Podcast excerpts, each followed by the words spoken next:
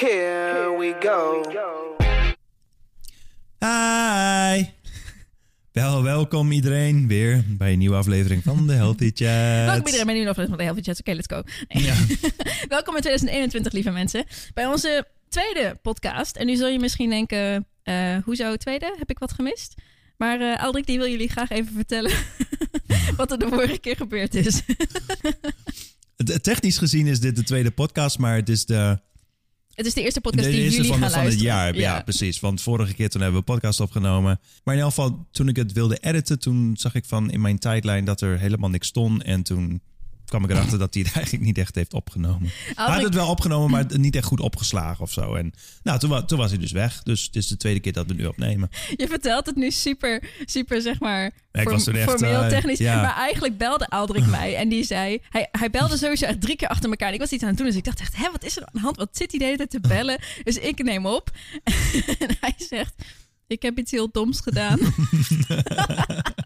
dus ik zo... eh, wat? De podcast is weg. Ja, zo echt zo. Echt zo? ja, maar Ja. jij dacht dat ik boos zou zijn. Maar ik had gewoon zoiets van... Ja, weet je, het is zo. Als je met technische dingen werkt, dan gebeurt dat soms. Ja, maar weet je wat het is? Eh, vaak met dit soort dingen is degene die het soort van veroorzaakt, die vindt het erger Ja. eh, dan eh, een buitenstaande, zeg maar. In dit geval dan was jij dan de buitenstaande. Ja. Als oh joh, maakt niet, dat doen we gewoon nog een keer. Maar voor mij zat er heel veel emotionele ehm, waarde aan. Niet, niet zozeer dat we de podcast hebben opgenomen, maar dat die gewoon weg was.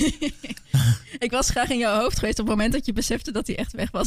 Volgens mij was dat heel grappig. Ken je dat gevoel wanneer je eh, ergens op straat loopt en dat je in één keer zoiets hebt van, oh shit, waar zijn mijn sleutels? ja. Zoiets, maar dan erger. Oh mijn god, ja, want jij dacht, oh shit, waar zijn mijn ritza-sleutels? Juist. oh, super grappig. Huh? Oké, laten we het hebben over eh, waar we het vandaag over gaan hebben. Laten we Eh, het hebben over waar we het vandaag over gaan hebben. Oké, laten we bespreken waar we het vandaag over gaan hebben. Ah, nice. Oké. Noemen waar, we noemen, laten we noemen waar we het vandaag over gaan hebben. Ja, precies. Oké. Laten we noemen waar we het vandaag over gaan hebben. We gaan het vandaag hebben over doelen stellen en behalen. Ik had een hele tijd geleden met jullie gedeeld dat we deze podcast zouden gaan opnemen. En dat wij ook jullie persoonlijke situaties eh, daarbij willen meenemen en willen bespreken. Nou is het niet echt meer in de trant van goede voornemens, want het is al halverwege februari als jullie deze podcast luisteren. Maar dat maakt niet uit, want het is natuurlijk ook een doel voor 2021. En 2021 duurt nog wel even. Ja. Eerst gaan we een stukje in op de manier waarop je eigenlijk goede doelen kunt opstellen en hoe je dat makkelijk kunt maken voor jezelf. En dan komen de persoonlijke situaties van jullie op het einde. Maar ik ben eigenlijk wel benieuwd om nog eventjes een kleine terugblik naar 2020, Aldrik. Heb jij een doel uit 2020 wat je hebt behaald? Ehm, er waren een paar doelen. Waarvan één wilde ik eh, van, van mijn filmprojecten wilde ik meer eigen projecten doen. Ik had überhaupt niet zoveel werk in 2020. Eh, Joh, maar, daardoor had ik wel meer tijd om gewoon eigen dingen eh, eh, op te zetten. Dat heb ik ook gedaan. Dus wat dat betreft kan ik daar een vinkje achter zetten. Ik denk dat je even moet uitleggen wat een eigen project is. Want Oh ja, het, ja, is natuurlijk, het is natuurlijk zo dat bedrijven kunnen naar jou toe komen en zeggen van... hé, hey, we willen jou opdracht geven om die en die film voor jou te maken. Mhm. Voor ons te maken. Mhm. En wat is dan een eigen project? Eigen project is eigenlijk een eigen initiatief. Dat is misschien een beter woord. Uh, maar in de filmwereld ja, noemen we dat eigenlijk passieprojectjes. Dat is een project waar je gewoon passie voor hebt en dat je dat probeert vanuit eigen of financieringen of soort van vrijwilligerswerk met anderen uh, een, een, mooi project uh, opstart. En, En je- en ja, omdat dat gewoon het meeste ligt dicht bij jou, waar je geïnteresseerd over bent en waar je passie over hebt, uh, worden dat over, het algemeen ook de beste uh, projecten, wat dus ook weer goed is voor het portfolio. En jij Ja. bent nu bezig met een project over het milieu, toch? Ja, uh, duurzaamheid. Ja. Duurzaamheid inderdaad. Ja. Ja, klopt. Ja. Ja. nou goed, dat duurt ook nog wel even. Dat, eh, dat is gewoon echt een lange termijn project. Maar daar ben ik nu eh, parallel mee bezig, zeg maar, met, ja, met eh, eventuele andere opdrachten. En wat Ja. zijn nog meer doelen? Ja, ik wilde de, hoe heet die oefening? De pull-up? Muscle up. Muscle up, ja, een muscle up. Ja, elke keer, uh, zelfs als ik met personal trainers vraag, zo van, oh, ken, ken die oefening dat je jezelf zo optrekt en dan vervolgens eh, nog verder optrekt? Zo, ik, ik weet niet hoe je dat Mhm, uitlegt, maar ja. dan kennen ze die naam ook niet. Dus Nee, maar dat komt- manier. Het is een, het is een calisthenics. eh, Ja, ja, ja, precies. oefening. Ja, precies. Misschien Ja, eventjes ja. uitleggen, zodat jullie ook even een beeld hebben ervan. Stel je een rek voor ehm, hè, waar je normaal gesproken pull-ups zou doen, dus jezelf omhoog trekken. Mhm. Je trekt jezelf omhoog totdat je ehm, de stang op borsthoogte hebt. En dan duw je jezelf verder omhoog, zodat je boven de stang uitkomt. Dus je bent eigenlijk met gestrekte armen, Ja. eh, leun je op de stang. Dat is best wel moeilijk. Ehm, en het is ook, eh, ja, turners doen dat wel eens, zeg maar. En het is uit calisthenics. Eh, dat is dus eh, trainen met je eigen lichaamsgewicht in van die buitenparkjes in principe. en zo. Ja, precies. Ja. En ja, het is het helemaal geen fitnessoefening in die zin. Dus eh, mensen in de sportschool die zullen hem waarschijnlijk niet kennen. Nee. Of kunnen. Nee, ja, waarschijnlijk beide, ja. Ja. Maar Ja. jij bent wel uh, lekker op weg, toch? Die bent hij aan het oefenen.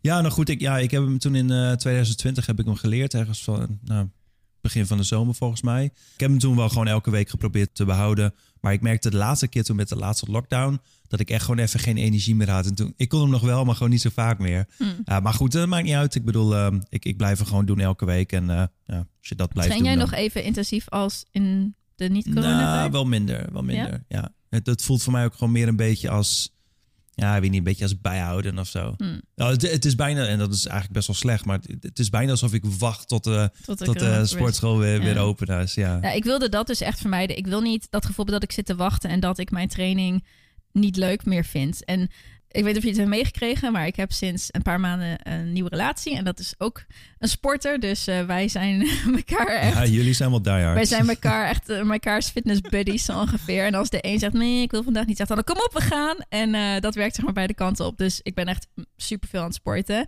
En ik vind het ook wel lekker. En ik ben ook, ik heb mijn motivatie ook weer terug om het te doen. En ik haal er ook weer plezier uit. Dus op dit moment mis ik de gym weer even niet. Maar ik heb niet altijd zin om met dit weer. We zitten nu momenteel in de 5 centimeter sneeuw ongeveer. Ja, ik heb al eens in, onder prettige omstandigheden getraind, zeg maar. ja, maar, dat snap ja. ik wel. Ja, Het is soms ook gewoon een kwestie van blijven doen. ja, om zonder motivatie te trainen. Wat ik altijd had, eh, en dat heeft mij wel verrast dit jaar, want ik ben al zo lang in fitness dat ik af en toe wel een beetje het gevoel heb dat ik ze alles wel een beetje gezien heb, zeg maar. Qua de ontwikkeling die je zelf doorloopt. Maar ik heb dit jaar dus echt gemerkt dat ik altijd trainde vanuit motivatie, omdat ik mijn training gewoon heel leuk vond. En het maakt ook niet, ik hoefde geen vaste afspraken te hebben, want ik wilde altijd wel sporten, dus ik ging er wel gewoon naartoe. En nu was mijn training zo anders dat ik niet meer in het begin sportte vanuit zin, maar gewoon sporten vanuit noodzaak. Omdat ik me dan anders niet goed voel. Hm. Hè, je- het is mijn uitlaatklep. Ik heb het nodig om, om me energiek te voelen. En moet natuurlijk ook fit blijven en zo. Dus dat heb ik op een gegeven moment ingewisseld gewoon voor... Je doet het gewoon. Net zoals dat je je tanden poetst. Het is ook niet een Ja, kwestie van ja. heb je vanavond zin om je tanden te poetsen of zo. Nee, je, je doet dat gewoon. Ja, het is, het Dus- is een aangeleerd gedrag geworden. Ja, ik heb het gevoel Ja. dat het nu gewoon echt een kwestie is van. Het, is, het staat niet meer ter discussie. En Ja. dat, dat helpt me eigenlijk ook wel. Want daardoor hoef ik me nooit meer af te vragen: heb ik hier nou eigenlijk wel zin in of niet? Ik ga gewoon. En dan Misschien- maak ik wel onderweg zin, zeg maar. Ja, misschien dat dat de reden is dat ik van structuur hou eh, als het gaat om sport.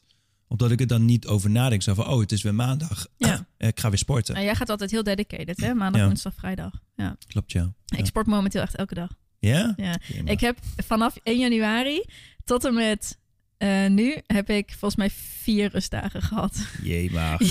ja. Ik moet zeggen, ik merk het ook wel aan mijn lichaam hoor. Ik, ik merk, merkte vorige week wel dat ik echt heel moe was en dat ik heel veel honger had. En voor de mensen die echt alles volgen wat ik zeg maar deel, die hebben waarschijnlijk meegekregen dat ik een tijdje terug een bloedtest heb laten doen.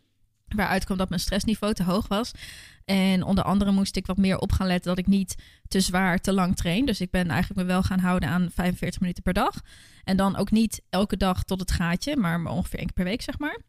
Dus ik doe nu één keer per week echt een training waarbij ik mezelf echt helemaal stuk laat gaan. Mm. En de andere dagen is eigenlijk, ja, pittig, maar wel prima vol te houden, zeg maar. Dus net iets boven mijn, boven mijn gemiddelde, zeg maar. Ja, duidelijk. En dat voelt eigenlijk wel heel lekker. En vorige week had ik dus echt toevallig een paar trainingen waar ik echt helemaal alles gegeven had. En dan merk ik ook gelijk dat ik gewoon slecht slaap, de hele tijd spierpijn heb en de hele tijd honger heb. En ja, dan weet ik altijd weer even van, oké, het is weer even tijd om doen.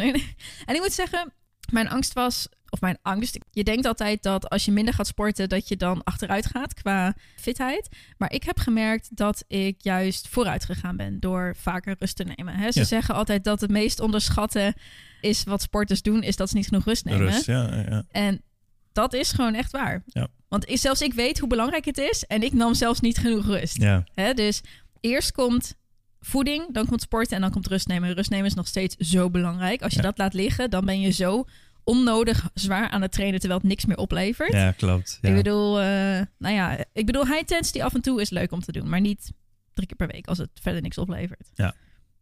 Ja, ik, ik merk het wel eh, met die muscle up. Als ik die bijvoorbeeld dus bijna een week niet heb gedaan, dan heb ik altijd zoiets van, oh, nou kan ik hem vast niet meer. En in één keer dan poep, poep, poep. Ja, maar dan gaat het best wel makkelijk. beter, ja, ja. Ja, zeker.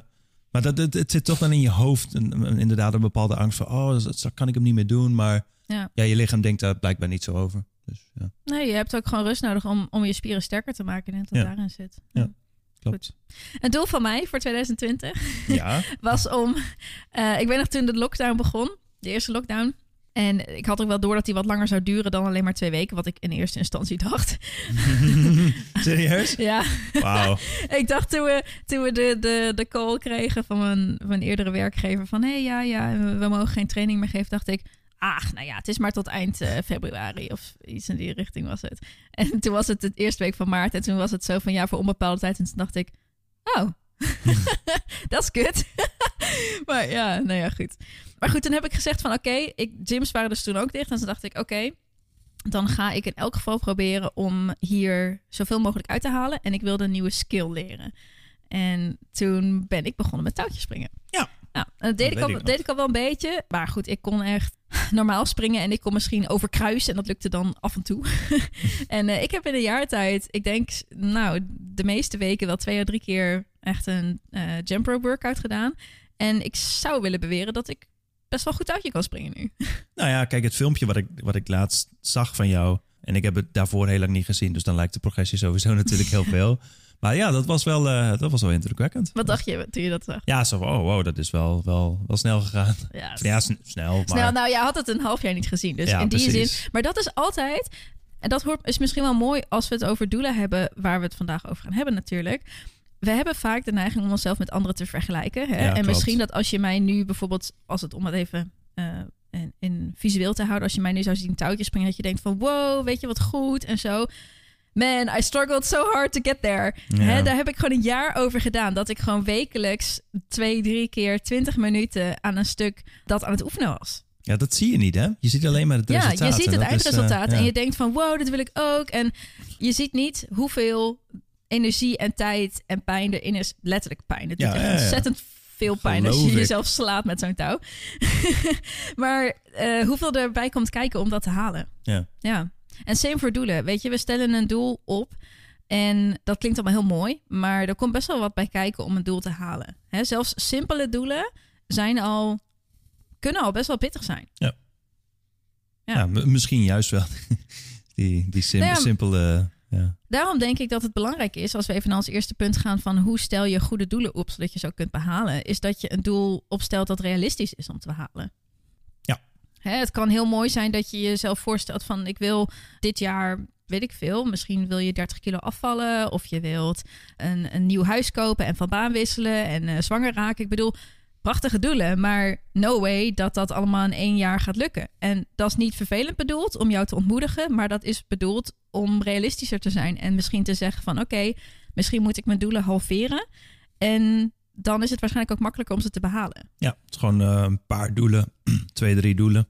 Nou, ik denk sowieso dat het belangrijk is om niet meer dan twee à drie doelen voor jezelf op te stellen. Hè? Dus maak niet een, ga niet zitten. Ehm, nou, heb je misschien al gedaan, want het is al januari is al lang geleden. Maar de- eh, misschien heb je nu wel een hele lijst met tien doelen voor je. Kies er misschien eens één grote. En dan nog één à twee kleine, afhankelijk van hoe groot je eerste doel is. Ja. En op het moment dat je een hele lijst hebt met ongeveer 10 of 20 doelen, dingen die je wil behalen, stoppen met roken, eh, meer tijd met je kinderen doorbrengen, eh, het hele huis aan de binnenkant vernieuwen, dat, dat is niet realistisch, dat ga je niet halen. Ben je er nog? Wat ik ook alweer moest zeggen. Oh ja, ik zei dit. Je moet helemaal niks zeggen. Je, je mag van alles zeggen. Nee, nee, nee. Het was meer zo van... Ik, ik, ik zat in mijn hoofd te denken van wat... eh, ik wilde hierop reageren, maar... Ja, en, en natuurlijk ook, ook belangrijk dat je excited wordt van, van je doel. Het, het komt er een beetje op neer van... Voor wie doe je het doel? Want eigenlijk moet je natuurlijk een doel stellen voor jezelf. Betekent niet dat wanneer je omgeving bijvoorbeeld zegt van... weet je, misschien dat dit goed is of misschien dat gezonder eten eh, goed voor je is. Dat je dan niet soort van moet zoeken naar die reden. Dat je daar vervolgens excited van kan worden. Maar het helpt wel wanneer je iets doet waar, wat je echt gewoon zelf wil. Ja. En waar je gewoon enthousiast van kan worden. Ja. Want dat eh, is toch wel een beetje, een beetje de basis. Nou ja, je moet het sowieso om de goede redenen doen. Ja. En slechte redenen zijn dan als je het niet voor jezelf doet. Als je het zeg maar puur voor iemand anders zou doen. Stel dat je omgeving de opmerking maakt van... goh, zou je niet eens dat of dat veranderen? En jij denkt van, hè, maar weet niet, ik ben daar eigenlijk helemaal niet ontevreden over. Maar je omgeving hè, duwt je een beetje in die richting. En dan denk je, nou oké, misschien moet ik daarmee eens aan de slag gaan. Mhm. Dan zit je hart er niet in. En dan ga je het sowieso niet volhouden. Of misschien heb je het idee dat je iets zou moeten veranderen puur omdat je weet dat het beter zou zijn. Hè? Als we het eventjes bij, de- bij het stukje afvallen houden. Je hebt verschillende tabellen waarmee je kunt uitrekenen of je een gezond gewicht hebt. Of dat je BMI gezond is. En misschien dat die van jou wel aangeeft dat dat niet zo is. Maar jij bent op dit moment niet ontevreden. Dan, dan doe je het om de verkeerde redenen. Dan doe je het omdat je het gevoel hebt dat het moet. Maar niet omdat je die intrinsieke motivatie hebt om iets te veranderen. En dan gaat het sowieso lastiger Ja. dan wanneer je jezelf eerst excited maakt om het doel te behalen. En Ja. misschien kun je jezelf wel excited maken voor een kleiner doel. Een, een, een kleine nuance wat ik daar denk ik bij heb, is toen ik zeg maar wilde sporten. Het was niet dat ik zozeer wilde sporten al om het willen, maar ik wist dat het goed voor me zou zijn. En toen ik het eerste keer ging doen en nou, een tweede keer, een derde keer, et cetera, toen voel, begon ik me steeds beter te voelen. En dat zorgde uiteindelijk weer een beetje voor de motivatie. De, het, gaat een beetje beide kanten op. eh, Nou, er, is niks, dat, er eh, is natuurlijk niks mis met exploring. Hè? G- Nee. Gewoon eens kijken van, oh, misschien hè, is- is het wel waar en misschien zou ik hier eens wat mee moeten doen. mhm. Maar ik denk niet dat je een jaar lang het vol kunt houden om ergens aan te werken, puur omdat je het ge- eh, gevoel hebt dat het moet en je haalt er totaal geen eigen motivatie of voldoening Nee, uit. Klopt. Klopt. Dat gaat je gewoon heel erg tegenwerken, denk ik. Ja. Oké, als je een doel gaat opzetten, dan moet je er dus voor zorgen dat het realistisch is. Dat het niet een te groot doel is, dat niet te veel doelen zijn en dat je er zelf echt excited van wordt. Maar het moet ook praktisch realistisch zijn. Hè? Dus niet alleen maar theoretisch realistisch, maar het moet ook echt in jouw leven in te passen zijn. Om het eventjes, om je even een voorbeeld te geven van een doel wat niet realistisch was, wat ik in 2020 had, was ik had in de- december besloten dat ik elke dag yoga wilde gaan doen. Was zo'n yoga challenge vanuit mijn yoga studio Open eh, Yoga eh, Groningen. En zij deden elke dag eh, dan een uur yoga. En ik, denkende dat december mijn rustigste maand ooit zou zijn, want dat is altijd zo. Nu was ook nog corona. Had me daarvoor aangemeld en dacht, oh, dan ga ik lekker die tijd die ik dan over heb, ga ik gebruiken voor, voor elke dag een uur yoga. Man, I was so wrong. Ik kreeg het uiteindelijk hartstikke druk. Dus dat ene uur yoga, dat, dat was gewoon even... Ik had het kunnen doen. Laten we eerlijk zijn. Ik had het kunnen doen. Ik wil geen excuus ervoor bedenken. Maar ik had even geen zin om naast de workload die, load die ik had... ook nog mijn zinnen te zetten op ook nog een uur yoga per dag doen. Dus ik had zoiets van, oké, ik ga dit nu niet doen. Ik ga dat u- verplaatsen, uitstellen. Ik wil het zeker nog wel een keertje doen. Maar voor nu is het even niet realistisch om dit ook nog in mijn dag te proppen. Ja, dat, dat is wel mooi wat je zegt. Want op het moment als je, als je zeg maar ervaart of, of, ziet dat je een doel bijvoorbeeld niet gaat, eh, niet gaat behalen, dan, dan hebben we nog wel eens de neiging zeg maar, om, om dat te zien als, als een faal iets. eh, maar om het vervolgens te verschuiven is niks mis mee. Sterker nog, ik denk dat dat meer gegrond in realiteit ligt dan wanneer je doelen constant behaalt. Kijk, een, een doel hoeft in die zin niet altijd behaald te worden. Het is niet dat een doel per se een einddoel heeft. Nou, het is natuurlijk zo dat eh, op het moment dat je een doel niet behaalt, dat betekent het niet dat je helemaal niet opgeschoten bent. Nee, exact. Hè, je je, hebt kunt- waarschijnlijk altijd progressie gehad. Je hebt, je hebt progressie Ja. gehad, misschien heb je inzichten gehad. En Ja. het kan ook zijn dat je inziet dat je je doelen te hoog insteekt. Veel mensen die bij mij in de coaching zijn, die hebben veel te hoge doelen. En dan is een deel van het leren is dat ze hun doelen te hoog insteken. En dat ze daar veel meer uithalen als ze ze lager insteken. Ja. Op het moment dat je een doel namelijk lager insteekt, is het veel makkelijker om dichterbij te komen. Dat is veel motiverender. En dan hou je het veel makkelijker vol. Ja. En waarom zeg ik motiverender? Je begint eh, vaak aan een nieuw doel met een hele hoop motivatie. Hè? Dat is het moment dat we, dat we op tv gezien hebben dat iemand iets tofs gedaan heeft. Of dat je van, je van iemand in je omgeving gezien hebt dat hij iets bereikt heeft. En je denkt, oh, dat wil ik ook. Dat En ga ik doen. Dat gevoel, zo van, oh, ik ga morgen starten. Dat is motivatie. En dat is een hele sterke drive, maar die is van hele korte duur. Motivatie blijft volgens mij maximaal twee à drie weken bij je. En daarna neemt hij af, vooral als je eerste tegenslagen hebt gehad. Misschien gebeurt er iets in je leven waardoor het even wat moeilijker is. Je wordt een keer ziek, noem maar op. Dan raak je die motivatie kwijt. Dus je moet tegen die tijd zorgen dat je in een routine zit Mhm. en dat je daarop verder kunt varen. Ja, en dan, heb je, hè, dan gaat het makkelijker, dan ga je je doelen behalen. En dan krijg je elke keer als je weer eventjes zo'n feedback hebt van hey, het gaat lekker, het schiet lekker op, dan krijg je een motivatieboost waarop je weer eventjes verder kunt, zeg maar. Zo moet je het eigenlijk aanpakken. Op het moment dat jij je doelen heel hoog insteekt, dan heb je altijd het gevoel dat je er achteraan aan het rennen bent en dat je Ja. nooit dichterbij komt. Ja. Hè? Dus het is eigenlijk een hele onvoordelige manier voor jezelf om een doel eh, in te steken. Ja, dat is mooi gezegd. Ik heb daar een heel goed boek ook een tijdje terug over gelezen voor mensen die dat interessant vinden. Het boek heet Finish met een uitroepteken. En de theorie achter het boek is eigenlijk dat mensen heel slecht zijn in het inschatten van dingen. Yep. En vooral als ze in de toekomst liggen. En dat is natuurlijk met een doel zo. En het boek stelt voor om in plaats van hele hoge doelen te stellen, een doel te stellen en dan voordat je begint al 20% van dat doel af te halen. Dus nou, dat kan niet altijd eh, in de kwantitatieve zin natuurlijk. Dus je moet dat een beetje inschatten van goh, hoe kan ik dat doel een beetje verkleinen. Maar dat is precies wat, wat ik net vertelde over dat je daarmee je motivatie vergroot. Doordat je telkens kleine stapjes behaalt die je ziet. Ja. Ah, jij vindt dat falen eigenlijk niet eens bestaat. Ik zie dat je dat hier hebt opgeschreven. Ja, een, een mooi voorbeeld van mij in mijn leven is dat ik op het duur een doel heb gesteld in het begin van mijn carrière om de beste filmmaker eh, van de trouwfilms te worden in Nederland. Ik denk toen een jaar later, toen ben ik op het duur gaan samenwerken ook met een van, van nou, de, de beste eigenlijk van heel de wereld op dit moment. En die wonen en werken ook in, in Amsterdam. Eh, ben ik op het duur mee gaan samenwerken en ik denk, eh, ja, wat is het, twee, drie jaar daarna. toen zat ik voor mij op een niveau wat gewoon goed was, zeg maar. Ik, ik zit soort van in de top van die business, eh, samen met, eh, met, met de rest. En dat was voor mij goed genoeg. Het is niet dat ik letterlijk de beste van Nederland ben, hoe je, hoe je dat ook überhaupt mag meten. Maar dat was gewoon voor mij voldoende om te zeggen van ja, dit is gewoon, Ja. dit, dit, is, dit is iets waar, waar ik content mee ben dat ik bereikt heb. Eh betekent niet natuurlijk dat ik mezelf niet meer blijf ont, eh, ontwikkelen op dat gebied. Dat gaat natuurlijk altijd door. Maar ik heb nu wel, zeg maar, dat heb ik geparkeerd nu. Eh dat heb ik kunnen laten rusten. Nu kan ik weer verder naar, nou ja, een, een, een nieuw doel, een, een groter doel.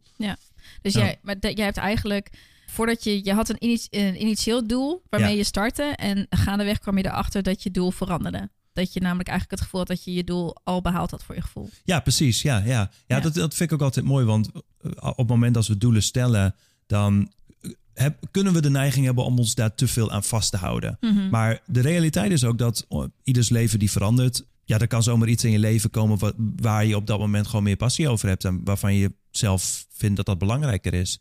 Nou ja, goed, dan, dan wordt dat zeg maar een nieuw doel. En Mm. dat betekent niet dat je die vorige doel moet afmaken. Dat is gewoon een andere fase in je leven. Ja. dan, dan ga je daar Nou, gewoon om je naartoe. een voorbeeld te geven uit fitness en gezondheid. Ik heb regelmatig klanten die beginnen met een doel bijvoorbeeld van... nou, ik wil 10 kilo afvallen en ik wil me weer goed voelen en ik wil weer energiek zijn. En dan zijn ze op een gegeven moment 8 kilo afgevallen. Dan zeggen ze, ik voel me eigenlijk wel goed hier. Ja, Weet ja, je? Ja. En die 2 kilo extra, daar zou ik nog zoveel meer extra moeite voor moeten doen. En dat zou het me op dit moment niet waard zijn. Ja. Dus ik stel mijn doel bij. Ja. Ja. Zo kan het En, gaan. en, en ja, dan heb je dat. Je bent niet gefaald of zo. Het is. Ja, Nee. het Ik is, denk eh, sowieso dat een doel. Kijk, veel mensen, of veel mensen, ik weet niet of veel mensen dat hebben, maar ik zie mensen die een doel echt als een soort van contract met zichzelf zien. Mhm. Je stelt een doel en dan moeten ze dat behalen. mhm. Ik zie een doel meer als een soort van richtlijn. Als een, alsof je een een. stip aan de horizon. Nou ja, ja, het is alsof je een, een bril opzet die een scherpte focus heeft op één bepaald di- ding in je omgeving. En de Ja. rest wordt een beetje blurry. Dat is eigenlijk wat in mijn ogen een doel is. En de manier waarop een doel ook gezond blijft, om het maar even te zeggen. Zo- zoals IKEA mooi zegt, wat je aandacht geeft, dat groeit. Ja, Ja, Maar dat is dat, zo. dat is het. Het Dat is, is gewoon zo. een bepaalde focus. ja, en wat je meer aandacht geeft, dat groeit meer. Dus als jij ontevreden bent over waar je op dat moment bent, dan moet je dus nog wat meer aandacht geven. Hè, maar ehm, En dat geldt andersom ook. Als je te veel aandacht geeft aan de dingen waar je niet tevreden over bent. Ja. Ik denk dat je niet blind moet staren op het halen van een doel wat je jezelf ooit gesteld hebt. Als je heel veel hints krijgt dat het op dit moment niet meer het juiste is. Ja. Om wat voor reden dan ook. Ja. Hè? Het is denk ik heel sterk. Ik bewonder mensen en ook cliënten die ik heb, die kunnen aangeven van luister, dit was eerst mijn doel, maar ik merk dat het te veel is. Ik merk dat mijn leven veranderd is, dat, dat dit erbij gekomen is en ik moet het bijstellen. Ja. Dat is heel knap. Dat is een heel goed zelfinzicht. En de mensen die denken van nee, maar ik moet het doel halen, want anders ben ik niet sterk. ja, Dat is, ja, daar zit te veel oordeel in. eh, dat is naar- zwakker Ja, ja. dan wanneer je kunt inzien dat het niet het juiste moment is. Ja, en daarom, daarom schaam ik me er ook helemaal niet voor dat ik heb besloten om niet die yoga voor te zetten. En omdat ik heb dat ook gewoon met jullie gedeeld. Omdat ik denk dat het een hele mooie les is als je dat kunt oefenen voor jezelf. Om Ja, in ja, te zien eens. van hé, hey, maar dat wordt het niet meer. Ja. En dan te stoppen, dat spaart zoveel energie.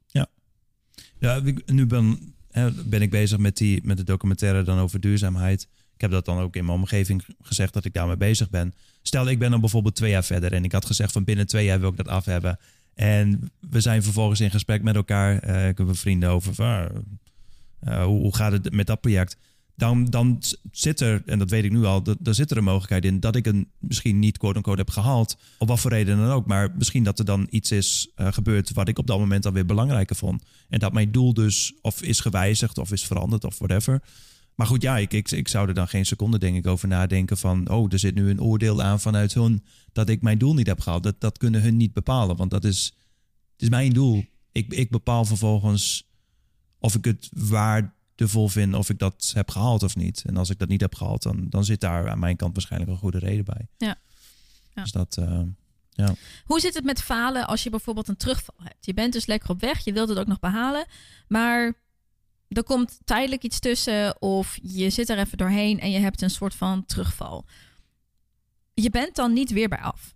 Wat ik veel zie is dat mensen de alles of niets gedachte Hm, hanteren. ja, en ja. dat het zo is van oké, maar nu ben ik één keer een stap achteruit gegaan en nu kan ik er gelijk mee stoppen. Hè? Mensen die willen, een hele mooi voorbeeld gebeurt elk jaar weer. Mensen willen stoppen met roken. Dan hebben ze een weekend een paar sigaretjes gehad en dan zijn ze gelijk weer aan het roken. Dan moeten ze wachten tot volgend jaar, want dan is het pas weer 1 januari. Hm? Dat is de grootste bullshit ever. Je lichaam weet niet wanneer het 1 januari is. Het weet niet wanneer het maandag is. Het weet, het weet, dat weet het allemaal niet. Hè? Jij kunt zelf elk moment beslissen om opnieuw te starten. Ja. Dus ik zeg altijd na een fuck-up, zo noem ik het maar eventjes. Na een fuck-up kun jij beslissen of je letterlijk het moment daarna weer doorgaat. Of de avond daarna, of de dag erna, of de week erna, of de maand erna, of het jaar erna. Dat maakt voor je lichaam niks uit. Jij bepaalt dat zelf. Ja, het, het is voor mij ook een beetje het waardeoordeel wat men dan heeft op het moment als je die terugval zeg maar hebt. Het, het, is in die zin pure perceptie van, stel je hebt een uh, quote-unquote terugval zeg maar, dan is het op dat moment uh, een beetje de kwestie van, ja, zie ik dit inderdaad als een terugval of zie ik dit gewoon als een onderdeel van het proces? Precies. Want, ja. want dat is het inherent Ja. ook. Want er- het is niet op het moment dat je een doel stelt dat het alleen maar een rechte lijn omhoog gaat. Nee, zeker Een niet. lineaire, do- dat, dat, zo werkt het gewoon niet. Het is letterlijk onderdeel van het proces. En idealiter, vaak zit daar een, een, een leermoment in. Ja. Op het moment dat je er ook nog van leert, dan bestaat falen ook niet in die context. Klopt. Na, naar een doel toe werken is letterlijk oefenen. Ja. Ja. En het helpt jezelf, denk ik, als je niet de verwachting hebt dat het een lineaire progressie is. Ja, klopt. Hè? Ja. Het, is, het is in die zin, zou, zou je er een rechte streep doorheen trekken en het een heel simpel model maken, dan wel. Maar in de realiteit gaat Ja. het op en af. Het Ja, zal waarschijnlijk een stukje omhoog gaan, dan gaat Ja. het weer even een stukje omlaag. Dan gaat het weer een klein stukje meer omhoog, dan gaat het ineens heel erg omlaag. Maar vervolgens gaat het weer heel erg omhoog. Als je daar een le- lijn doorheen trekt, dan ben je inderdaad, hè, in die, dat versimpelde model, ben je in een rechte lijn, heb je progressie gehad. Maar dat is niet hoe de realiteit werkt. Hè? Nee. Ik ga daar eens eventjes een model van delen op onze Healthy Chats podcast. Ja, doe maar even. Ik denk dat ik dat heel goed even inzichtelijk kan maken met een eh, klein tekeningetje. Ja. Dus. Maar om even terug te komen weer eh, hoe we daarop kwamen. Falen bestaat dus niet. Je faalt pas in mijn ogen op het moment dat je stopt met iets, hoewel je het eigenlijk nog wel wilt. Ja, dat is, dat is meer richting het, het concept falen in die zin. En dan, Ja.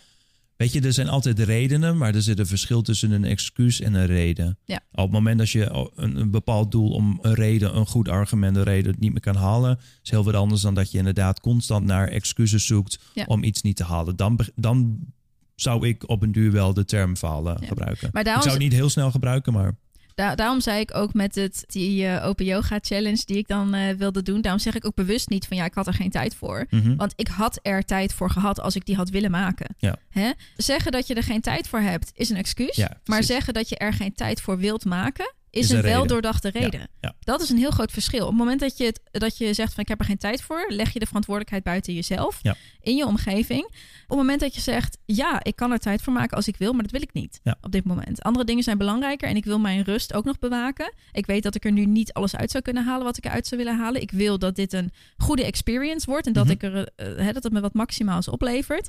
Daar heb ik over nagedacht en toen de beslissing gemaakt dat ik dat niet ga halen als ik dit geforceerd elke dag nog moet gaan doen. Ja, klopt, puur omdat ik dat als doel heb gesteld. Ja. Dus dan is het een hele goed doordachte reden. Ja. Misschien is het handig als je ergens ga je twijfel tegenkomen onderweg, waarschijnlijk. Want het gaat niet altijd super makkelijk als je je doelen probeert te halen. Wees eens je kritische zelf. En voordat je ergens mee stopt, probeer eens eventjes te kijken of je ook echt goed onderbouwde redenen kunt vinden om te stoppen. En maak dan eens een onderscheid tussen wat zijn excuses. Ik heb, ik heb zo druk op werk. Of eh, ik heb last van, uh, van wintermoeheid of zoiets. Hè? Dat, dat klinkt al snel als een excuus. Maar op het moment dat je zegt van ik heb in de winter gewoon minder energie te besteden en ik wil die energie aan andere dingen besteden die belangrijker voor mij zijn, goede reden. Ja. Hè? Hetzelfde als, nou, ik zit net in een nieuwe baan, ik moet mezelf hier nog in bewijzen en ik heb mijn energie daar, daarin op dit moment nodig. Ja. Goede reden. Dat, dat hè? is prioriteiten stellen eigenlijk. uh, En, en het houdt de verantwoordelijkheid bij jezelf. Ja. Oké, eh, onze volgende tip die heb ik gestolen van Goudje. Goudje van Runfree, die bij ons op de podcast was een tijdje terug uh, over stress en burn-out. En Goudje helpt natuurlijk ook mensen met veranderen. En zij had als tip om als je een doel opstelt, bedenk dan meerdere redenen waarom je dat doel zou willen behalen. In plaats van maar één. Dus hè, stel je hebt een doel bedacht wat je wil halen, bedenk dan zoveel mogelijk redenen die je maar kunt bedenken waarom je dat wil halen. Dat doe ik ook met mensen die bij mij komen. Zeg ik wil 10 kilo afvallen. Ja, waarom dan? Waarom wil je dat? Hè? Op het moment dat je zegt van ja, maar dan pas ik in mijn favoriete bikini. Oké, leuk. Maar misschien vind je dat straks helemaal niet meer belangrijk. Hè? Dus wat is nog meer een, een reden voor jou om af te vallen? Oké, dan, dan voel ik me energieker. Oh, oké, dat is een goed, goed doel. Dan uh, voel ik mezelf verzekerder. Oké, nou, klinkt goed. Dan uh, kan ik makkelijker sporten. Heb ik meer energie om te sporten. Oké. Uh, en probeer zo zoveel mogelijk doelen op te stellen. En het werkt ook de andere kant op. Ik help ook misschien, zoals je weet, veel mensen die juist niet willen afvallen, maar die juist willen aankomen. Wat zijn redenen voor jou waarom je dat wilt? Wat zijn redenen waarom je eventueel obsessie met eten of je eetstoornis wilt overwinnen? He, schrijf dat allemaal op. En dat zijn allemaal drijfveren voor jou om te veranderen. En belangrijk op momenten dat je er even doorheen zit, om weer even erbij te halen en te denken: oh ja, waar doe ik dit ook alweer voor? Ja, mooi gezegd. Dus uh, dankjewel, Goudje, voor deze tip als je luistert. we, gaan even, we gaan even door naar de volgende. Als je doel opstelt, zorg dan dat het een duidelijk doel is. Dat, dat het duidelijke verwachtingen aan jou stelt met wat je nou precies eigenlijk moet gaan doen. Hè? Ik heb al heel, de hele tijd het voorbeeld aangehaald 10 kilo afval. Dus laten we eventjes hierbij blijven. Je hebt jezelf voorgenomen dat je 10 kilo wilt afvallen. Oké, okay, dat is mooi. Hoe ga je dat doen? Wat, ja. wat moet er veranderen? Hè? Kijk, dan, dan zou ik altijd voorstellen om te kijken naar hoe jouw leven nu is. Wat in jouw leven, wat, wat jij doet, zorgt ervoor dat je nu juist verder weg gaat van dat doel. Hè? Hoe werk je jezelf tegen? Schrijf die dingen op en probeer die te veranderen. Voorbeeld 10 kilo afvallen. Stel dat je elke week door de week alcohol drinkt. Niet helpend. Hè? Misschien kun je met jezelf afspreken dat je vanaf nu in het weekend alcohol gaat drinken en niet meer door de week. Stap 1. Stap 2. Je vindt sporten niet leuk en daarom doe je het niet. Probeer een sport te vinden die je wel leuk vindt en die je dus één of twee keer per week kunt gaan doen. Ja. Je partner heeft altijd standaard lekkere dingen in huis. en jij vindt het lastig om daar niet ook van te eten. Niet helpend. Maak met je partner afspraken waar hij dat in huis neer kan leggen, waar jij er niet, het niet elke dag ziet, waar jij er niet bij komt. Stap 3. Hè? En zo maak je voor jezelf hele duidelijke verwachtingen. Wat moet ik doen om uiteindelijk bij dat doel te komen? Mini-stapjes eigenlijk om elke dag te herhalen die jou uiteindelijk bij dat doel gaan brengen. Ja, ik vind dat ja, een heel simpel voorbeeld wat ik altijd benoem. Is op het moment als je bijvoorbeeld als doel hebt om als je wakker wordt om water te drinken, uh, dan moet je er dus voor zorgen dat, dat je dat niet in de ochtend moet doen. Uh, ja. Maar je moet ervoor zorgen dat je in de avond het water al klaarzet, zodat de stap om het daadwerkelijk te doen zo klein mogelijk is. Ja. Ik ben eigenlijk niet eens, is, is daar een term voor eigenlijk? Uh, nee, dus toevallig net precies ook over na te denken. Maar we noemen dat je omgeving helpend inrichten. Ja, er moet toch vast wel een, een, een, een of andere term of definitie of zo nee, zijn. Nee, nou, is, laten, laten we die dan een keer nee, gaan er, verzinnen. Er is, want geen, dit is, er wel, is geen uh, naam voor. Maar ja, je, je, je richt dan je omgeving helpend in eigenlijk. En Ja. je maakt, dat hebben we al in andere podcasts gezegd... op het moment dat je je gedrag wilt veranderen... moet je het zo leuk en zo makkelijk mogelijk maken. Ja. En, drempelverlagend. de- ja, dan moet, je Ja. moet de drempel verlagen. En zorgen dat jouw omgeving het bijna onmogelijk maakt... om je doel niet te behalen. ja, exact. Ja. Hè, dus een heel mooi... Inevitability. Ja. Eh, ja, Ja. Dat, ja, die term had ik in Engels gehoord. in Ja, dat is een eh, woord ervoor. Het moet bijna onmogelijk zijn om het in elk geval niet te Ja. halen. Een voorbeeld daarvan is onder andere wat ik net zei over... misschien heb je een partner die wel meer kan snacken en dat in huis wil hebben. zorg dan dat jouw persoonlijke omgeving zo is ingericht dat dat niet ertussen komt te staan. Ja, exact. Ja. Hè, op het moment dat jij dat ook allemaal om je heen hebt en dat voor jou heel moeilijk is om het niet te pakken, dan heb je je omgeving nog niet helpend ingericht. ja, dan werkt het tegen. Ja. En, da- en dat kost weer veel energie. En daardoor word je waarschijnlijk eh, gedemotiveerd op het moment als dat te lang doorgaat. Maar dit heeft trouwens ook betrekking op mensen. Op het moment dat je een omgeving hebt met mensen die jou niet verder brengen Mhm. of jou zelfs tegenhouden, dan moet je ook daarin je omgeving aanpassen. Ik heb wel eens eh, cliënten gehad die eh, bijvoorbeeld nog studeerden en die dan aangaven van hé, hey, ik voel me niet lekker, ik wil eigenlijk iets veranderen, maar mijn hele omgeving waar ik in zit, die doet dat allemaal nog wel en die willen niet veranderen.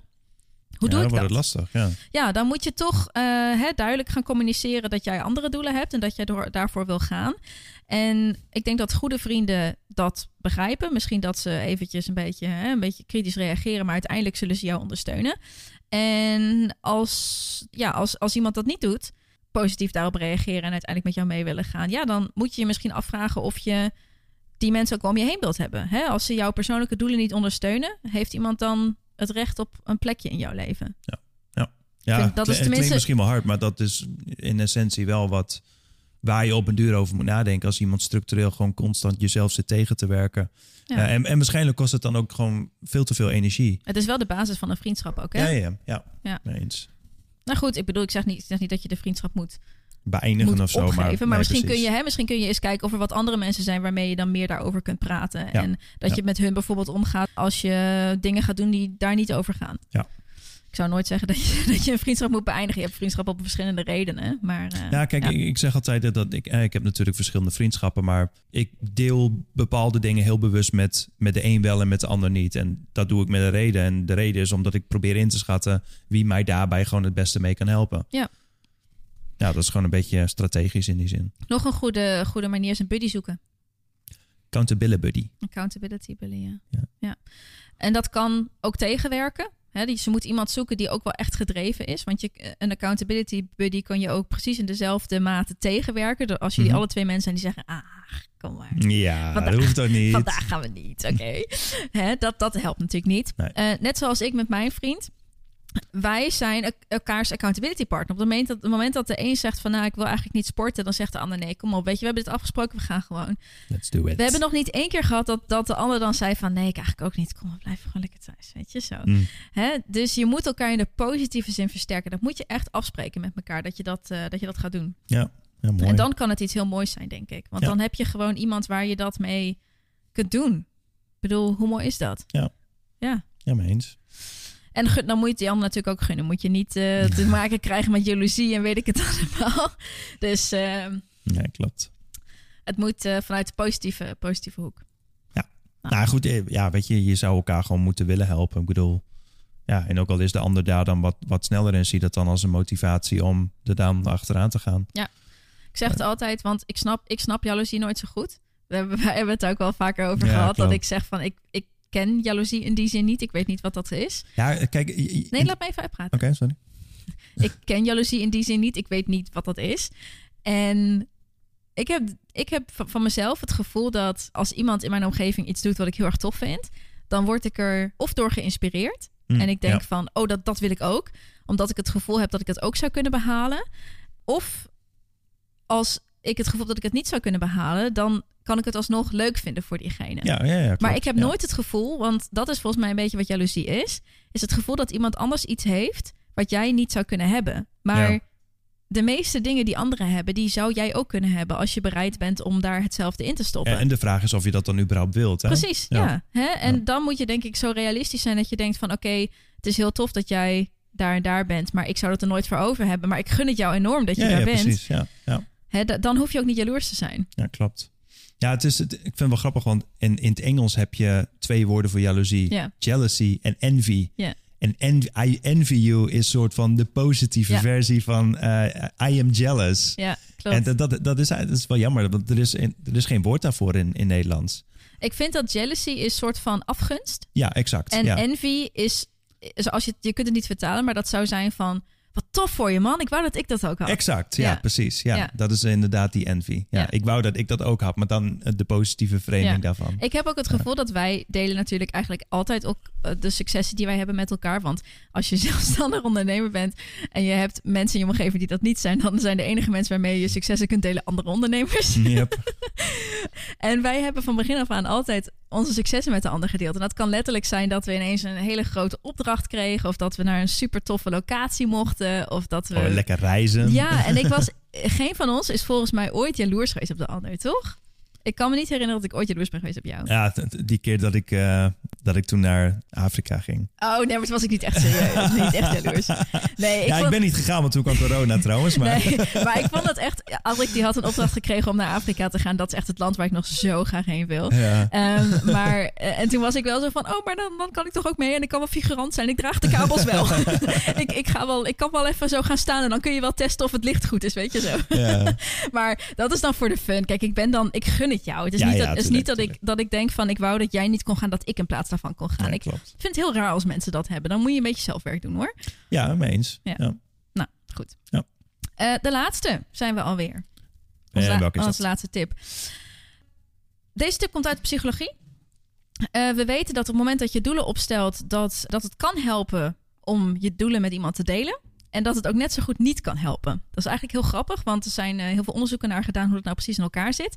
En ze zijn nu zover dat ze eh, vermoeden dat er twee soorten mensen zijn. Er zijn mensen die delen hun doelen met anderen en worden daardoor extra gemotiveerd, omdat die anderen een beetje als een accountability partner fungeren. Dus ze moeten een soort van verantwoording afleggen. Zo van, hey, hoe gaat het ermee? En dan zegt ze, ja, gaat lekker, ik ben er nog mee bezig. Ja, ja. En bij andere mensen werkt het juist heel erg tegen. Omdat ze gevonden hebben dat op het moment dat je je doelen al gedeeld hebt met anderen, je brein het gevoel krijgt dat je een deel van het doel al behaald hebt. Dus je motivatie neemt daardoor sterk af. ja, precies. Ja. Ah, En dan, ja, het is gewoon het gevoel. Je hebt dan eigenlijk op irrationele wijze het gevoel dat je al dichterbij bent. Dus eigenlijk is dat gewoon fantaseren. Dus je fantaseert gewoon dat je een doel hebt bereikt en that's it. Nou ja, zolang je het voor jezelf houdt, is dat goed.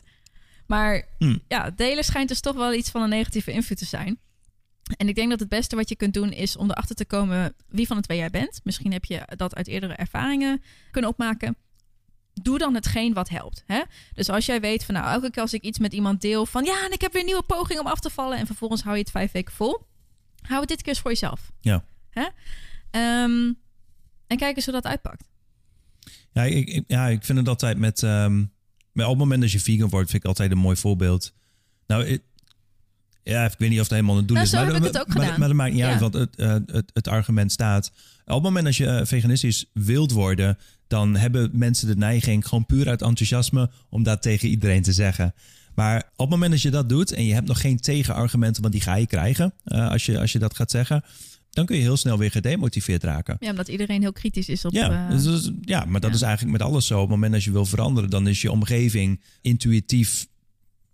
Ja, soort van dagen ze je een beetje uit, zeg maar. Oh, maar kan je dat, eh, weet ja. je? Dus je moet er sterk in staan. Je moet er sterk in staan. Ja. op het moment dat je er gewoon, weet ik veel, een, een, een half jaar mee bezig bent. en je zegt het dan en je kent alle argumenten. en je, en je bent daar zeker over en je vertelt het dan. dan merken ze ook gelijk zo: oh, oké, ja, die meent het wel. En die, heeft er ook, die is er ook al gewoon lang mee bezig. Hmm. Ja. En dat, eh, ja, dat, dat, dat helpt zeker wel. Het werkt ook met andere dingen. Je zult altijd wel een beetje tegengas krijgen. Dus hoe sterker je daarin in je schoenen staat, hoe beter, denk ik. Ja. En eh, ik heb het inderdaad met plantaardig eten ook zo gedaan dat ik het pas na drie maanden een beetje begon te delen. Ja. En heeft me heel goed bevallen. Ik ben het type wat het niet met mensen moet delen. Ja, ja. Maar ik ken ook veel mensen, dat zie je ook misschien als je op Instagram zit, eh, zien dat er mensen zijn die accounts hebben waarop ze letterlijk delen wat ze eten, hoe ze sporten, Mhm. hoeveel ze afgevallen zijn, hun struggles. En hun volgers zijn hun accountability partners. En dat werkt voor hun heel goed. Dus het is heel duidelijk dat er twee soorten mensen zijn. En ik denk dat je de manier moet zoeken die voor jou heel goed werkt. Ja, mee eens. Ja. Ja, ik, ik deel het inderdaad ook niet. Ik, deel, ik deel het pas op het moment als ik het gewoon echt weet. Want anders Ja. Ja, snij ik mezelf in de, in de vingers Ja, waarschijnlijk. ja, dat heb ik ook. Ja. Nou, dat was hem. Oké, nou, jij- doe. Of heb, je, of heb jij nog iets? Eh, nee, nee, Nee. dit keer niet. Nee, we zijn nog niet helemaal klaar. Sorry. We zijn nog niet helemaal klaar. Want dit was deel 1 natuurlijk van onze podcast. Deel 2 gaat, zoals we al aangekondigd hebben, over jullie situaties en jullie eh, doelen, dingen waarin jullie willen veranderen. En die wij gaan bespreken. En dan zal ik er gelijk bij zeggen, we hebben heel veel situaties gekregen, wat echt super tof is, dat jullie zo open met ons zijn en dat op de podcast willen delen. Maar het is helaas ook niet mogelijk om ze allemaal te bespreken. Veel die hadden ook een beetje overlap in de situatie. Dus wat we hebben gedaan is dat we topics hebben gekozen die meerdere keren benoemd zijn. En dan hoop ik dat uit de berichten die we gaan behandelen, dat anderen daar ook wat uit kunnen halen. Dat is een beetje het idee. En we hebben ook een aantal berichten gekregen over mensen die met hun eigen bedrijf bezig zijn en het opstarten daarvan. En die gaan we ook niet behandelen, omdat we daar eigenlijk een aparte podcast aan willen wijden. Ja, dat is, dat is heel leuk. Die. Ja, dat is een hele leuke om. Willen we sowieso hebben we die al een tijdje op de planning staan. Een podcast over uh, hoe start je je business? Tenminste, ik had geen idee toen ik dat daarmee begon. Eigenlijk had geen idee toen hij ermee begon, maar die heeft mij geholpen. En uh, wij willen dat graag met jullie delen, maar dat is zo groot dat we er eigenlijk een aparte podcast aan willen wijden.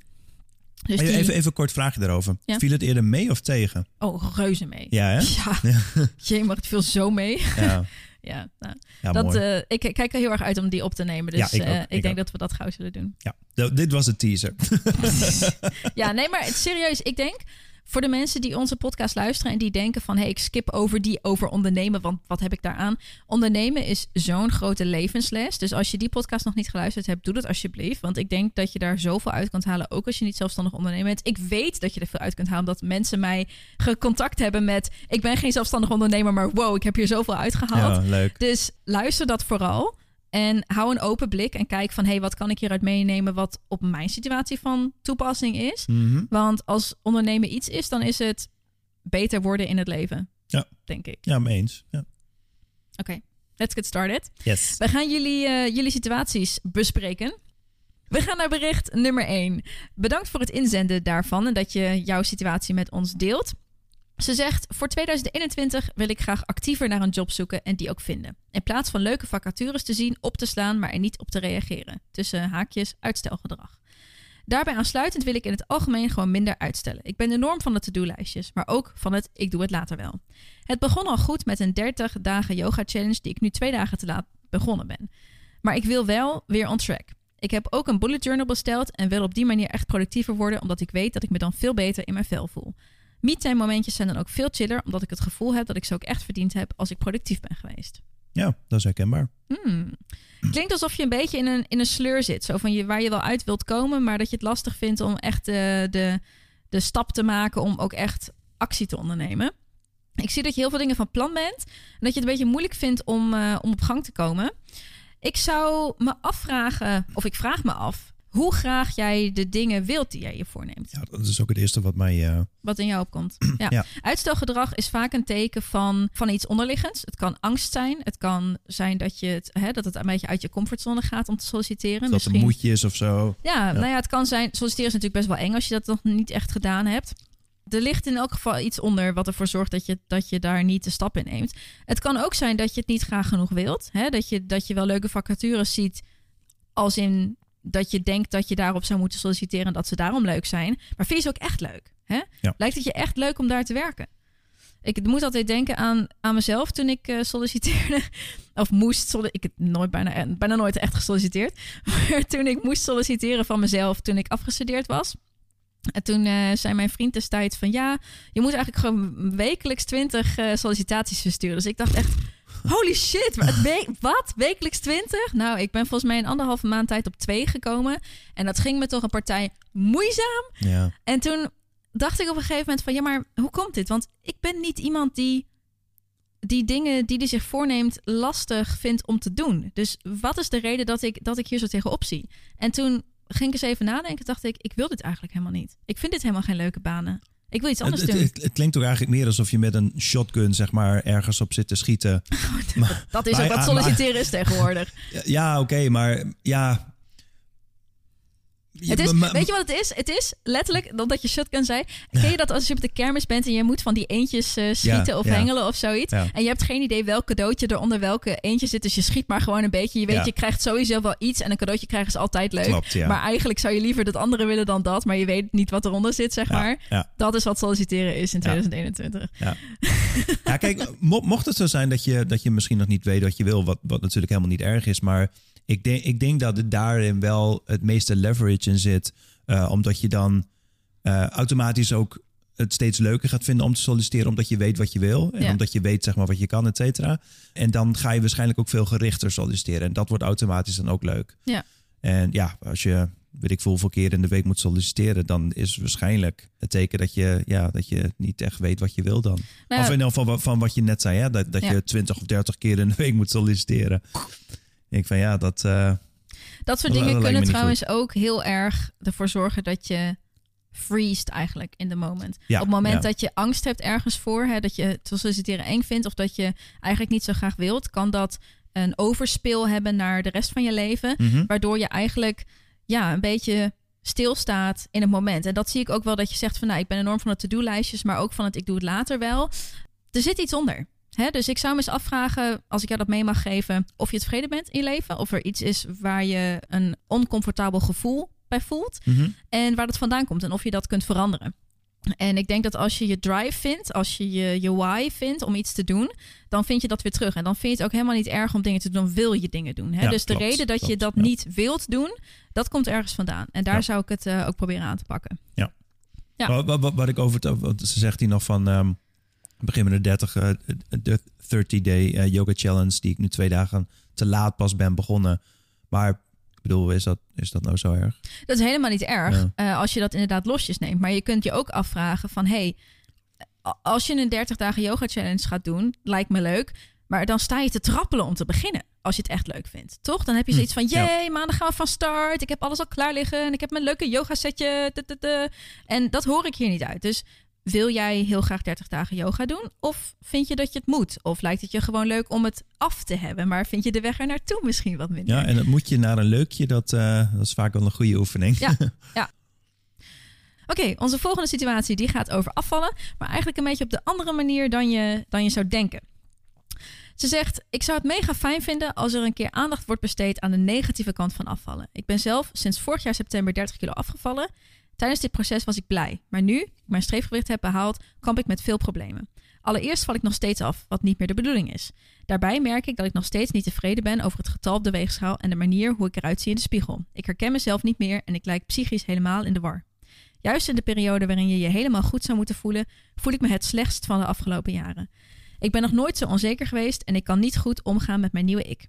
Mijn voornemen van 2021 is om mezelf terug te vinden in mijn nieuwe lichaam. Daarbij wil ik graag zelfverzekerd worden en al mijn onzekerheden leren omarmen. Mijn lichaam is gezond, nu mijn mindset nog. Het eerste wat ik me even afvraag is, eh, kunnen we een definitie ma- maken voor de negatieve kant van afvallen? Ja, dat kan. Eh, ik wil eerst nog even zeggen dat ik het echt super knap vind dat je dit deelt. Het is natuurlijk best wel een gevoelige topic überhaupt, hè, afvallen. En Ja, dan ook nog eens, hè, ben, ben je te, over tevreden zijn met je lichaam. En eh, ik kan me voorstellen dat het best wel lastig is om in je omgeving te laten merken dat je 30 kilo bent afgevallen, dat je toch niet tevreden bent. Want dan zegt iedereen van, hé, hoezo? Jij eh, bent 30 kilo afgevallen. Jij hebt echt niks te, te, te zeuren, ja, waar je? Ja. Dus ja. ik vind het heel knap dat je dit deelt. En ik wil er ook gelijk bij zeggen dat dit best wel veel voorkomt. En dat je daar ook niet alleen mee bent. En ook als je dit luistert en je hebt dit niet ingezonden, dat, dat je niet alleen bent. En om even terug te komen op jouw vraag: wat is de negatieve eh, kant aan afvallen?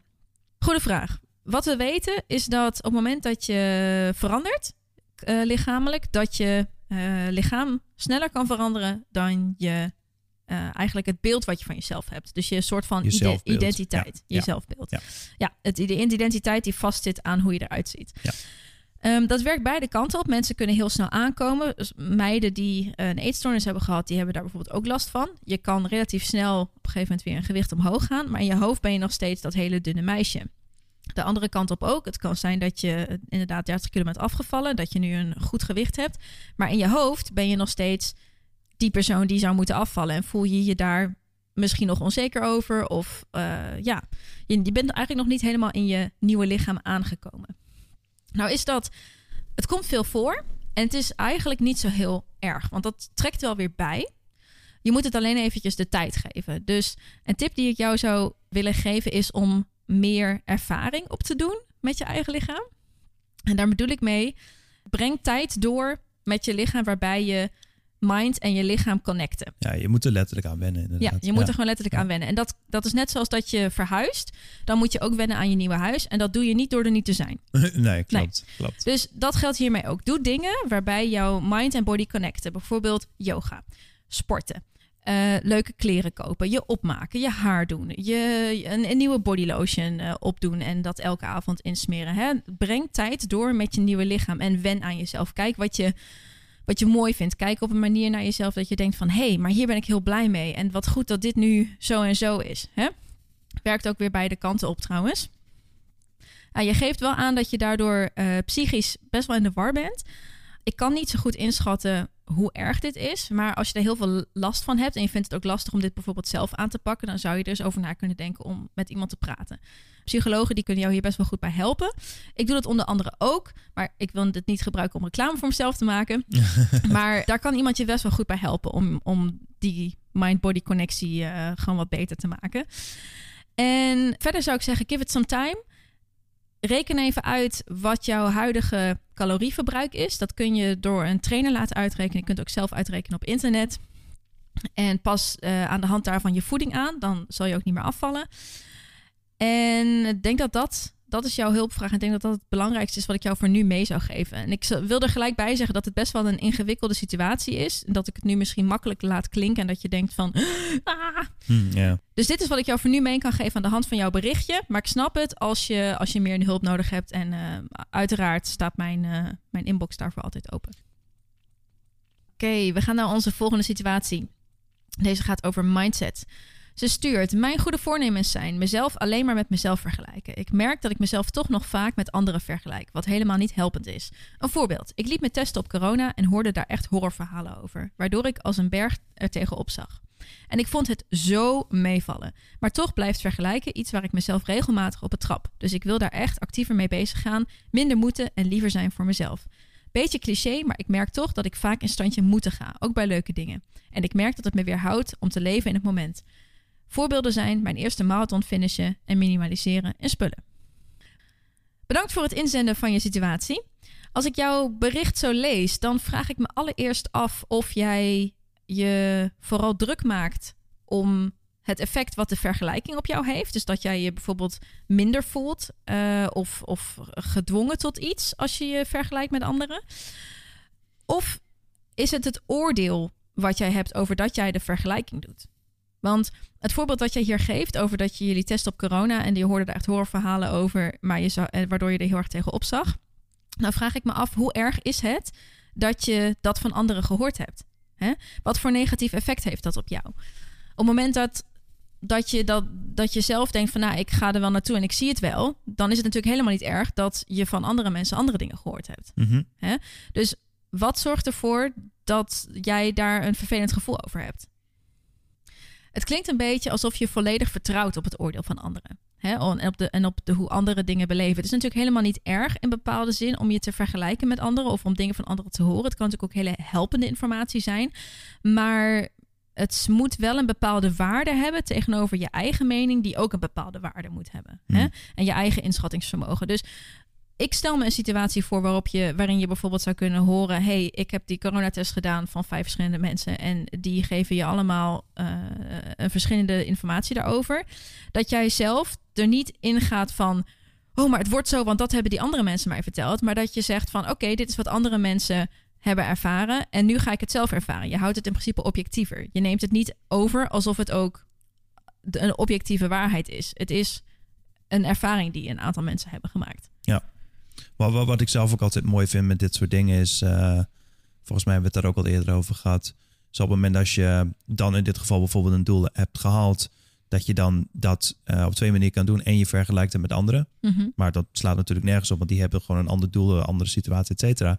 Maar of je kan het vergelijken met hoe je daarvoor was. Ja. En dat vind ik altijd een, een, een gezondere aanpak om, te, om terug te kijken naar hoe je, hoe je eerst was. En om het op die manier zeg maar, te gaan vergelijken. Ja. En op het moment dat je dat meer doet, dan Meer blijf je meer bij jezelf. Ja, precies. Dat, En, en dan zie je namelijk ook de vooruitgang. En dat is ook weer wat leuk is. dat bij jezelf blijven, dat is ook wel iets wat ik terugzie in jouw berichtje. Want je zegt ook van, nou, ik heb het gevoel dat ik veel dingen moet. Dan, vraag ik, dan is inderdaad, mijn eerste vraag is dan, van wie moet je? Ja. Moet je dat van jezelf? Moet je dat omdat je vrienden dat doen of dat je omgeving dat doet? Moet je dat omdat iemand online dat doet? Ja. Moet je dat omdat je vindt dat je het moet doen, dat dat er gewoon bij hoort?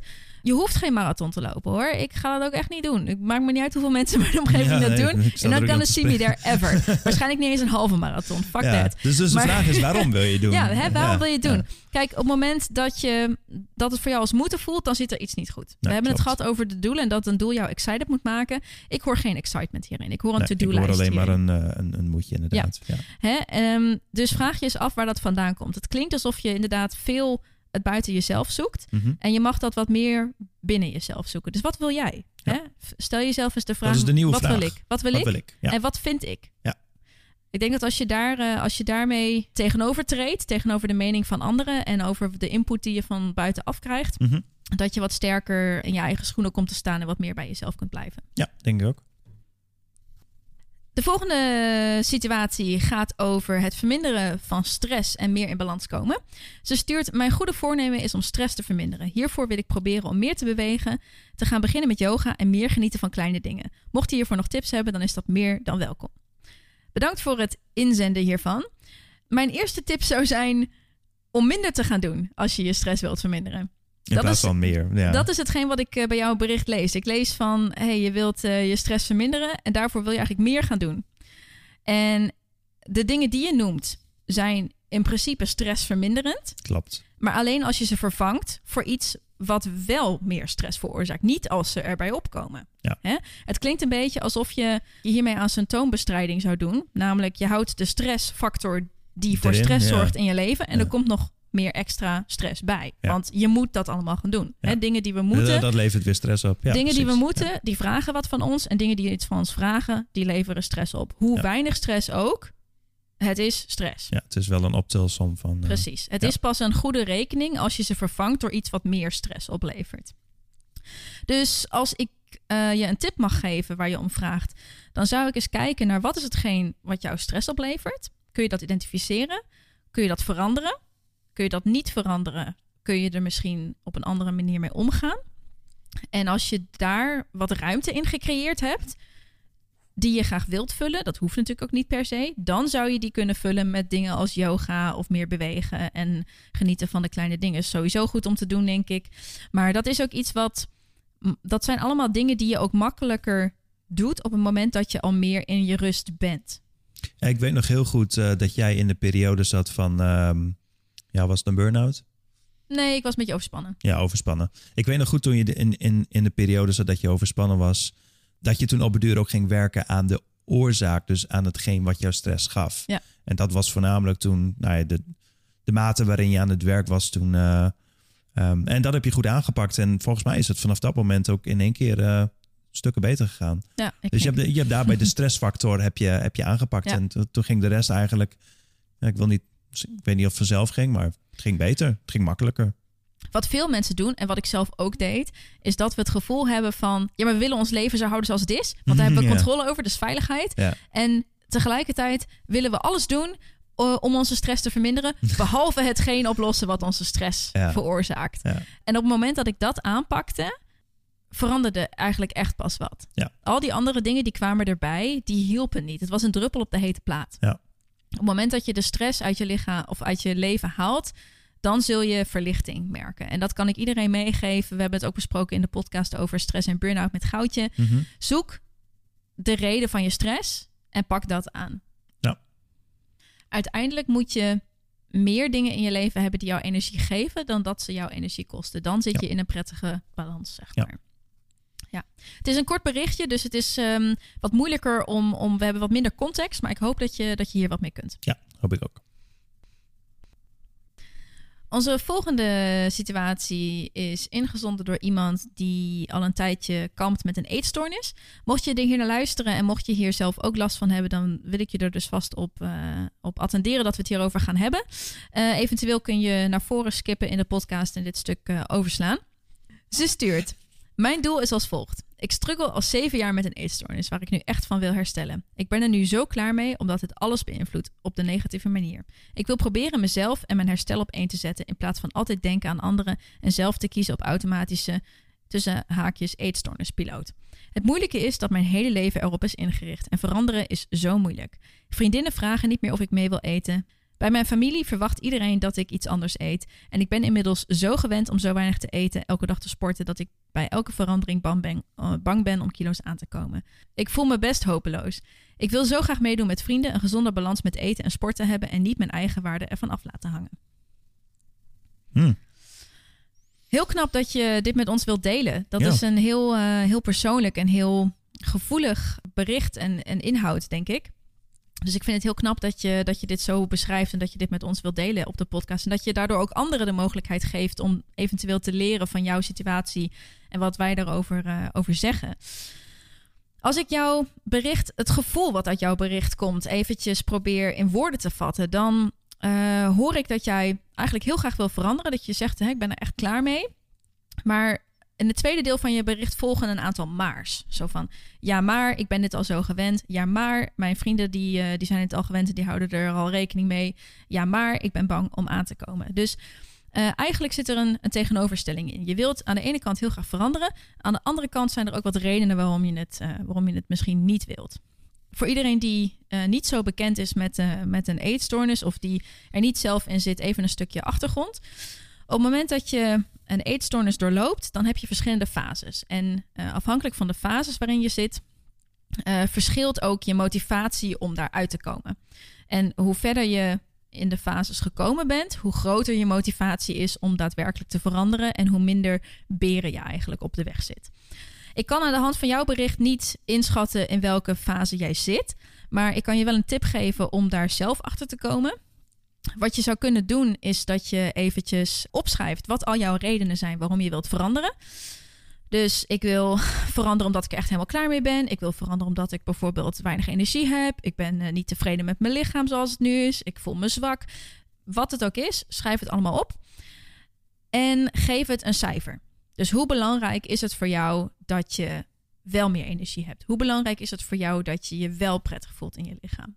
Ik kan me voorstellen dat, de, dat er dingen zijn die wat zwaarder wegen en dat er dingen zijn die misschien iets minder zwaar wegen. Hetzelfde doe je aan de kant van de redenen om niet te veranderen. Je noemt bijvoorbeeld eh, je vriendinnen die vragen eh, al niet meer of je mee wil eten. Dus die zijn er al helemaal op ingespeeld in principe.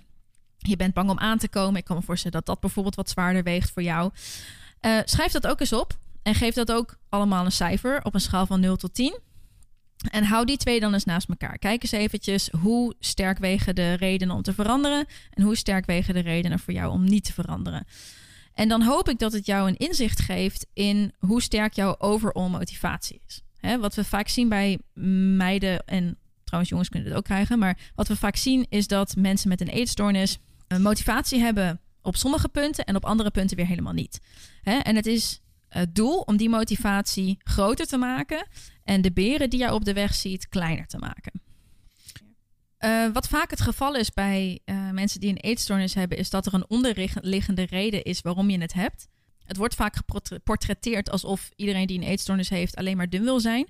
Maar daar zit veel meer achter. Hè? Een eetstoornis kan veiligheid betekenen, het kan controle betekenen, het kan houvast betekenen, het kan een manier zijn om te vluchten uit een andere situatie. Dus er zit veel meer achter. Het probleem daarmee is, is dat een eetstoornis mensen ook iets geeft. Hè? Het is ook iets positiefs. En uh, dat is vaak iets wat we onderschatten, want daardoor is het zo moeilijk om het los te laten. Het geeft jou ook positieve dingen en daarom vinden we het lastig om uh, om te veranderen. Daardoor is veranderen zo eng. Je weet wat je er nu aan hebt. Je bent er misschien niet super tevreden mee. Maar ja, de andere situatie. Wie weet of je daar hetzelfde uit kunt halen. Hè? Wie weet waar je dan komt. Is dat nog wel net zo oké of niet? En um, daar kampen heel veel mensen mee. Ik zie heel veel cliënten bij mij die, daar, die dat lastig vinden. En ik denk dat het goed is voor jou om te weten dat je daar dus niet alleen mee bent. Dat het normaal is. Maar ook dat je, als je kleine stapjes maakt, dat je zult merken dat het meevalt. Ik heb zoveel meiden in, ondertussen begeleid uh, dat ik uh, weet dat ik kan zeggen, dat ik je bijna kan beloven, dat iedereen die achterom kijkt zegt van, waar was ik bang voor? Ja. Hè? Ja, ja. Het lost, het lost ja. zichzelf op along the way. Dus ik vind het heel knap dat je hiermee bezig bent en dat je hier stappen in wilt maken. Ik wens jou ook heel veel succes, ook voor jou. En trouwens iedereen die uh, dingen heeft ingestuurd uh, of die hier naar luistert. Mijn inbox staat altijd open. Je kunt altijd met mij een gesprek aangaan. Eh, we kunnen altijd ook een eenmalig gesprek plannen als je gewoon even fijn vindt om te kijken van goh, wat, wat doen mijn inzichten? Hoe kan ik jou eventueel weer verder helpen als je niet een heel traject in wilt gaan? Eh, er zijn mogelijkheden om, eh, om dat gewoon los te doen. Dus eh, je kunt mij altijd eh, daarover contacten.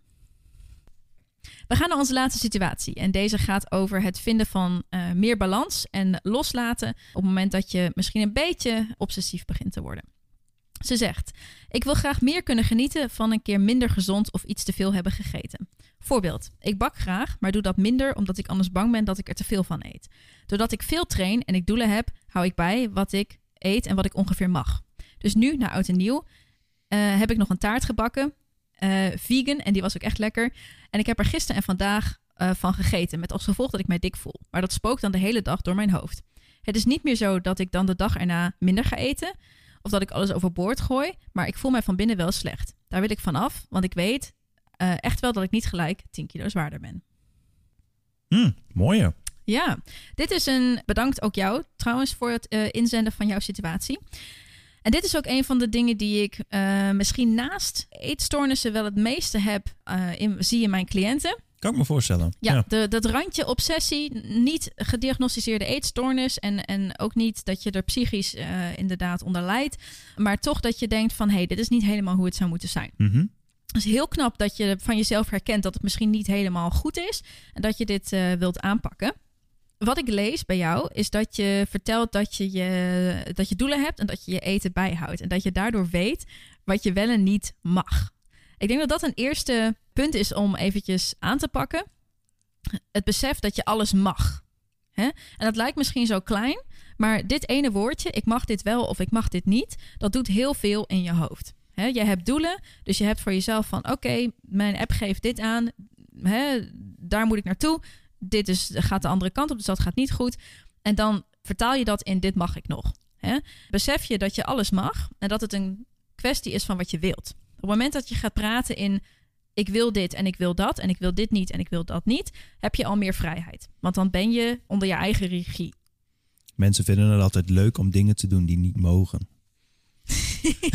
Adrik gooit even zo heel sneaky zo eventjes een, een tekstje in vanaf Ja, de zijkant. Ik, ik, ik, ik, ik zat te denken aan mezelf gewoon, ja, ik, ik mag een Twix eten, maar ik wil het niet en het is ook niet slim. Dat is, dat is een beetje hoe ik het probeer te framen, zeg maar. Het is wel waar. Doordat jij die gedachte hebt van ik mag dit niet en ik mag dit wel, is het Mhm. moeilijker om iets niet te eten. Ja. En ik lees dat je zegt van nou, ik ben bang dat ik ergens anders te veel van eet. Dat komt waarschijnlijk vanuit de gedachte dat je vindt dat je het niet mag. Ja. Hè? Wat daarbij niet helpend is, is bijvoorbeeld het invullen van je voeding. Ik snap dat je het doet, maar onbewust heeft zo'n app toch wel invloed op je. Hè? Het geeft in een rood cijfertje aan dat je er overheen zit. Het geeft eventueel Ja. een tekst aan van... hey, als je nog meer suiker eet, dan ga je over je suikerdoel heen. Dat zijn allemaal hints eh, die appelleren aan jouw gedachte van... ik mag dit wel of niet. Ja. Hè? Ja.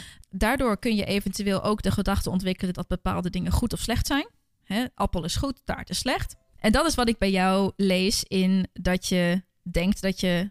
Hè, dat je gevoelsmatig denkt dat je gelijk 10 kilo aangekomen bent. Je weet dat het niet kan, maar je voelt het wel. Dat is verbonden aan het gevoel dat jij vindt dat taart slecht is. Hè? Ja. Taart is niet slecht. Te veel taart is slecht, maar te veel appels zijn ook slecht. Hè? Te Ja. weinig appels zijn slecht en te weinig taart is ook niet goed, want daar word je ook niet gelukkig van. ja, hè? klopt. Dus eh, bekijk het misschien eens wat meer als een spectrum. Een spectrum waarvan jij alles mag kiezen wat je wilt. En dat je bepaalde dingen wilt kiezen om dichter bij jouw doelen te komen. En bepaalde dingen minder vaak wilt kiezen. Maar er is niks off limits. Hè, dat geeft jou heel veel vrijheid. En ik hoop dat het jou gaat helpen om die vrijheid aan jezelf te geven. En, en die wat meer te ervaren in, in voeding. Dat waren al onze cases die we vandaag eh, gaan bespreken. Ik wil jullie allemaal nog eventjes heel erg bedanken voor jullie vertrouwen. eh, dat je dat hier op de podcast durft te delen. En jullie ook nog even eraan herinneren dat wij eh, natuurlijk een heel kort berichtje eigenlijk van iemand krijgen. Dat er weinig context is. Dat we ook niet meer weten wie dat heeft opgestuurd. Ik heb alleen maar een cijfertje erbij gezet. Dus het is compleet anoniem. Eh, maar dat kan ook betekenen dat we misschien niet genoeg informatie hebben om de vraag volledig te beantwoorden. Of de, de situatie. Je mag altijd nog iets opsturen. Misschien herken je je er zelf erin. Dan mag je natuurlijk ook altijd contact opnemen. En ik hoop dat, eh, dat je hier wat uitgehaald hebt. En dat als je geen vraag hebt eh, eh, opgestuurd, dat je misschien ook nog dingen uitgehaald hebt. En voor nu is dit het einde van onze podcast. Dankjewel voor het luisteren. Je kan ons vinden op de Healthy Chats podcast. At de Healthy Chats podcast. At de Healthy Chats podcast, ja, dus uh, Instagram. Uh, je kan mij vinden op Aldrik B. En je kan uh, Maritza persoonlijk vinden op Plentiful Plan. Deed je dat nou aarzelend? Jij was mee bij mijn inschrijving van de KVK. Ja, ik weet het. Jemig. At Plentiful Plan. Ja, je kan Maritza vinden op at Plentiful Plan. Moet het nog eventjes uh, spellen? Uh, nee, dat hoeft niet. Dat was een grapje, grapje, grapje. Weet ik. See you next time. Yes, doei. Bye. Bye.